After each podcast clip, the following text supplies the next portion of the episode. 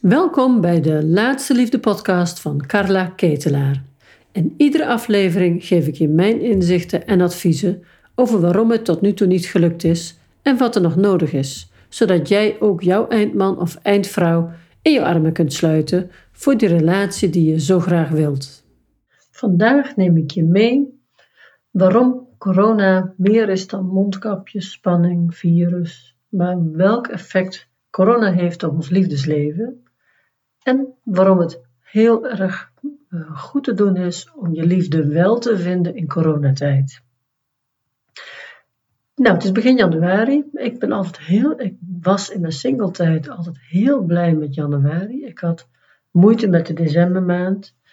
Ik vond het lastig om het altijd leuk te maken voor mezelf. Ik, ja, het was net alsof in die periode de eenzaamheid sterker drukte dan ja, in januari. Ik keek uit naar januari, kon ik weer lekker aan de slag, ging het gewone leven weer beginnen. Nou, misschien heb jij het ook als je nu luistert. Toch weer zo'n jaar met frisse, ja, frisse start, frisse mogelijkheden. Dus, daar wil ik graag met je over hebben. Nou, we zitten nu nog, helaas nog in de tweede lockdown. Hè? We zitten er middenin. En helaas zijn de cijfers nog niet zo goed. Ik houd mijn hart vast of over een paar weken weer, ja, weer verder open mogen. We zullen het zien. De nieuwe variant in Engeland las ik vanochtend. De ziekenhuizen stromen daarover. En met het internationale verkeer wat we natuurlijk hebben, zal het, ja, in mijn ogen, zullen dit soort dingen vaker gebeuren. En de wereld is gewoon anders geworden. Ik zou zeggen minder onschuldig. En zonder mijn kop in het zand te steken, ja, heeft die coronacrisis me ook iets geleerd en gegeven. En ik noem dat klein leven. Dus dat bedoel ik niet meer beperkt of niet meer betrokken zijn, maar wel veel meer dag voor dag leven, niet te ver vooruit kijken, niet de hele wereld op mijn schouders willen nemen. En hierdoor ben ik ook weer gaan ervaren en zien waar het werkelijk eigenlijk om draait. Het gaat om de liefde. Het draait altijd om de liefde. Liefde voor jezelf, liefde voor je dierbaren, liefde voor je partner, liefde voor je dier als je die hebt. En dat is wat ons op de been houdt. En dat is wat ons in crisistijd ook laat, laat ja, gaan. Zo mogen we deze periode toch wel noemen.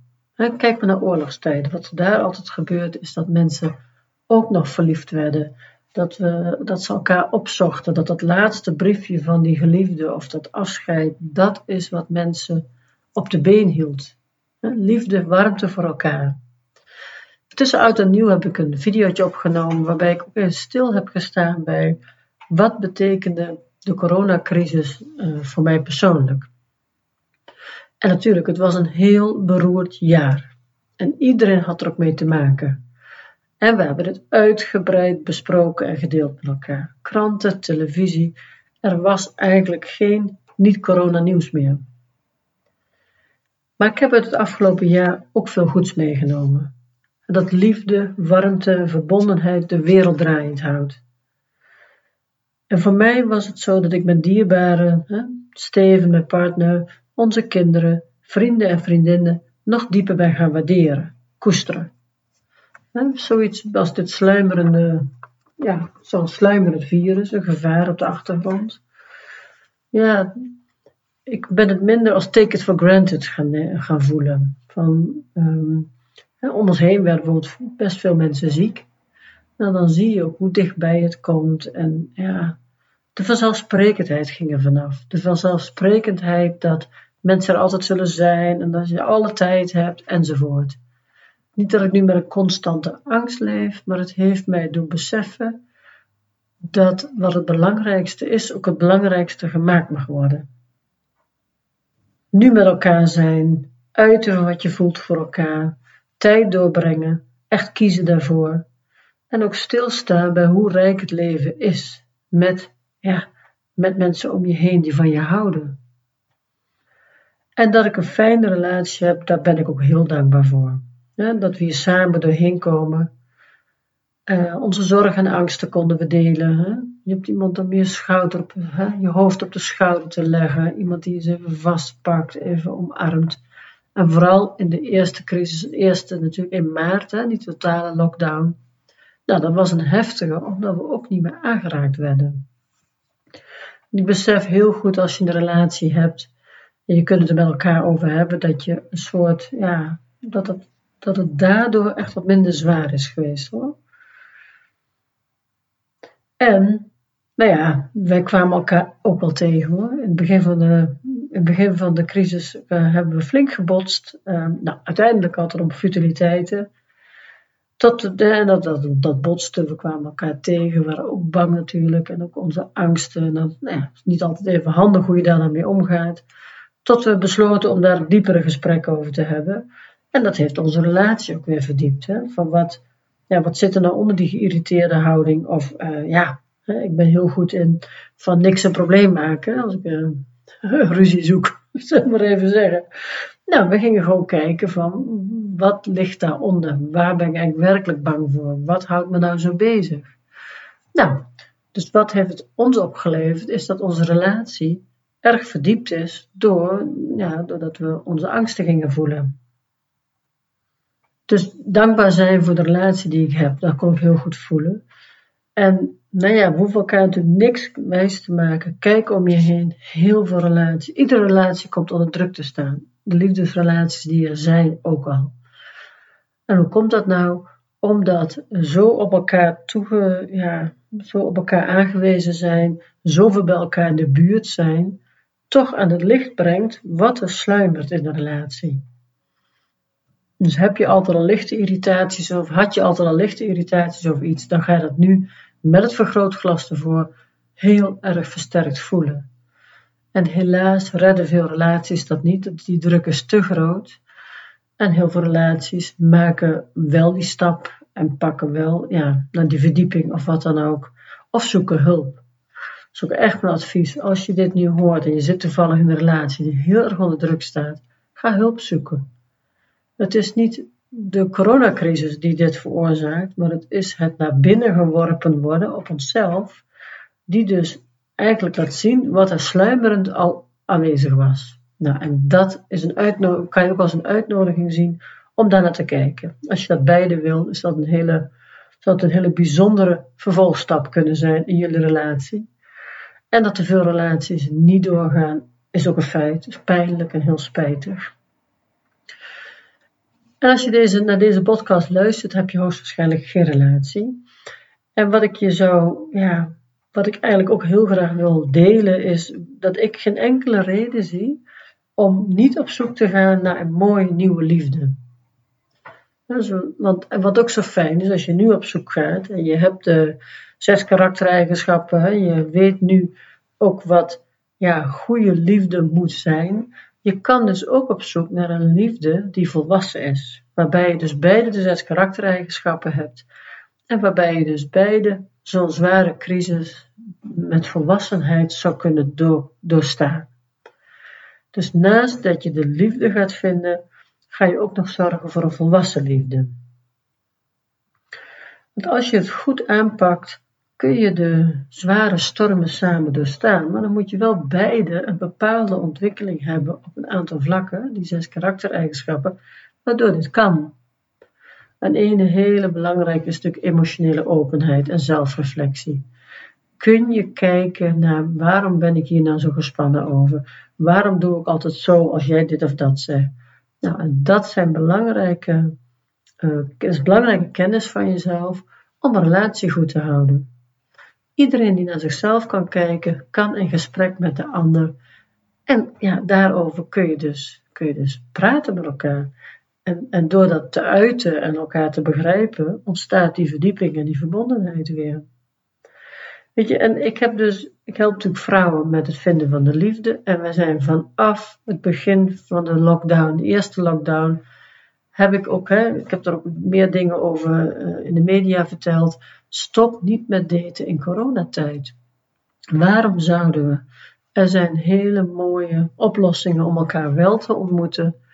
En ik krijg natuurlijk altijd de vraag van, ja, maar je wilt je op een bepaald moment natuurlijk aanraken, elkaar aanraken, je wilt knuffelen, enzovoort, enzovoort. Natuurlijk wil je dat. Maar je hoeft niet hoe moet ik het zeggen? Je kunt mensen ontmoeten, je kunt mensen buiten ontmoeten, je kunt samen die koffie to go gaan drinken. Je gaat een keer of drie, vier ergens buiten iets afspreken. En dan weet je, voel je al wel van hé, hey, ik wil met jou best die stap thuis maken. Dus dat je een keer voor elkaar kookt enzovoort. Dus je gaat elkaar op een bepaald moment is het leuk of niet? Het is leuk of niet leuk na drie of vier keer. Is het leuk, dan ga je iemand in je inner circle laten. Dat betekent dat die persoon bij jou thuis komt of jij kan bij hem, naar hem toe. Na drie of vier keer kun je ook wel een beetje voelen, hier zit wel of geen, vooruitgang in. En als je dat te weinig voelt, laat je iemand niet in je inner circle en rond je het waarschijnlijk het contact af. Prima. Maar op het moment dat iemand in je inner circle zit, is er natuurlijk geen enkele belemmering meer om te knuffelen, intiem te worden enzovoort. Dus dat is denk ik een heel groot idee bij ons dat we al, ja, dat je dat of al bij de eerste twee keer zou moeten willen om te testen of iemand wel je partner is, of dat je gewoon besluit van hé, hey, ik ga gewoon rustig die stappen zetten en ik ga kijken of iemand leuk genoeg is om hem in een cirkel te laten. Ik heb het al eens eerder genoemd ergens. En ik denk dat dit ook een groot voordeel van corona is. We gaan nu eerst elkaar leren kennen voor je al intiem wordt, omdat je die veiligheid voor jezelf wil creëren. En ik zie gewoon, een, dat is eigenlijk helemaal niet zo'n hele slechte ontwikkeling. Want we zijn ook wel eens te snel intiem, omdat we dan hopen te weten te komen of de ander ook geschikt is als partner. Maar seks en intimiteit zegt eigenlijk niets over het wel of niet geschikt zijn van de ander voor een relatie. Dus dat is een groot voordeel. Dus je gaat eerst elkaar leren kennen en dan pas intiem worden. Het andere voordeel nu is dat het heel erg druk is op datingsites. Ik ben natuurlijk veel op datingsites omdat ik vrouwen er heel concreet mee help. Ik help, uh, ja, op allerlei vlakken uh, ondersteun ik daarin. Dus ik zie heel veel datingsites. En ik zie dus ook hoe ontzettend veel aardige, goede, vriendelijke, geschikte mannen erop staan. En dat blijf ik zeggen, want ik krijg natuurlijk heel vaak te horen: ja, er staan allemaal losers op. Het is gewoon onzin. Er staan heel veel goede mannen en vrouwen op die ook op zoek zijn naar een liefdevolle relatie. Die net zo hard ja, die verbondenheid en die liefde zoeken, zoals jij en ik. Dus Ga naar die datingsite, ga aan de slag. En, en ja, blijf, weet je, het heeft geen zin om te zeggen, of er heel veel meer mannen of heel veel meer vrouwen op. Het heeft geen zin om te zeggen dat er losers op staan, want daarmee ga je je eindman of eindvrouw niet vinden. We blijven vaak dingen zeggen, of alle leuke mannen zijn bezet, is er ook zo eentje, die zeggen we ook heel vaak. Nou, kan je één ding vertellen, dat haalt jouw eindman niet dichterbij. Dat betekent eigenlijk dat je niet echt, niet echt nog goed ontdekt hebt hoe jij dan die leuke mannen kunt vinden die wel vrij zijn. En ik kan je vertellen, die zijn er. En ik kan, weet je, het is niet alleen omdat ik dat denk, het is natuurlijk ook omdat ik in mijn programma continu vrouwen eigenlijk help bij het vinden van die liefde. Ik zie het gewoon onder mijn ogen gebeuren. Dus het is geen gebakken lucht. Heel veel geschikte mensen op datingsites. En ik snap heel goed die spanning van hoe moet ik het doen. En, en je, er is, het is niet heel, altijd heel makkelijk. Maar het is wel, de, ja, ik vind echt een van de beste wegen om een goede partner te vinden. Dus ik zou zeggen, waarom wachten? Waarom wachten om verder te gaan met de liefde? Dus corona is in mijn ogen geen reden om te stoppen. Het heeft een aantal voordelen daarbij komt, dus ik ga ook nog even vertellen over hoe je elkaar nog meer op een leuke manier kunt ontmoeten. Hè. Ik noem natuurlijk die drie die, die dat buiten ontmoeten. Nou ja, als het regent, is het koud. Dat natte frietje in de regen, daar heeft niemand zin in, dat snap ik echt wel. Maar een coffee to go, uh, wandelen, fietsen, dat kan allemaal nog. Of je kan je koffie uit de achterbak drinken, uit je auto. Um, of je doet wat anders creatiefs. Hopelijk kan er binnenkort weer iets meer, maar dat gaan we afwachten. Als dat niet zo is, zijn er goede alternatieven. een ander goed alternatief is videobellen. Ik denk dat dat vrij spannend is als je dat direct aan het begin doet. Ik hoor ook vaak van vrouwen dat mannen dat liever niet willen. En ik snap dat ook wel. Het is natuurlijk best confronterend. Je kijkt elkaar recht aan. Ehm, met het daten, hè, dan loop je vaak naast elkaar. Of dan is het ook, ja, is gewoon wat natuurlijk. Hè. Het videobellen is natuurlijk wel heel erg rechtstreeks. Maar het is wel een hele mooie manier. Ik noem het de second best. Hè. Live is, vind ik altijd het voorkeur. Lukt dat niet, om welke reden dan ook, ga dan naar het videobellen. En als dat de eerste keer moeilijk is, ga je gewoon eerst even gewoon bellen. En dan kijk je of het leuk genoeg was om ook dat videobelvoorstel te doen.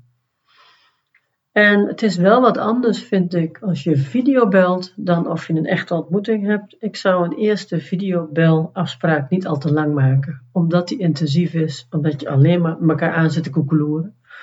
Dus dat zou ik uh, kort houden, 20 minuten. En ook zeggen dat ik vond het ontzettend leuk, zullen we het nog een keer doen? Um, het gewone afspreken, zeg ik altijd een uur, anderhalf uur, max twee uur, is eigenlijk al heel lang.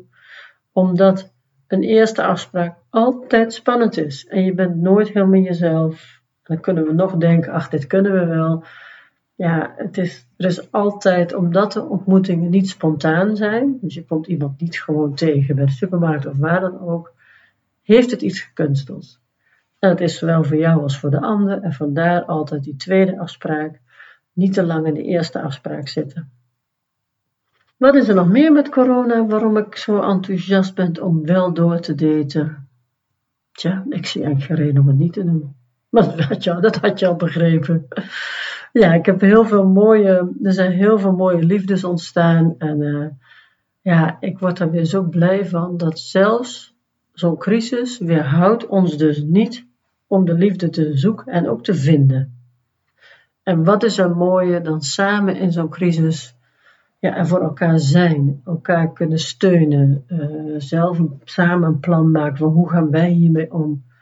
Ja, dat, ja, dat, dat je het, ja, dat gewoon samen kan. Anders, anders kan ik het eigenlijk niet zeggen. Nou, wil jij nu kijken of jij toch de moed gaat oppakken om ook in coronatijd te daten? En wil je weten of je er aan toe bent? Op mijn website is van alles te vinden: www.laatsteliefde.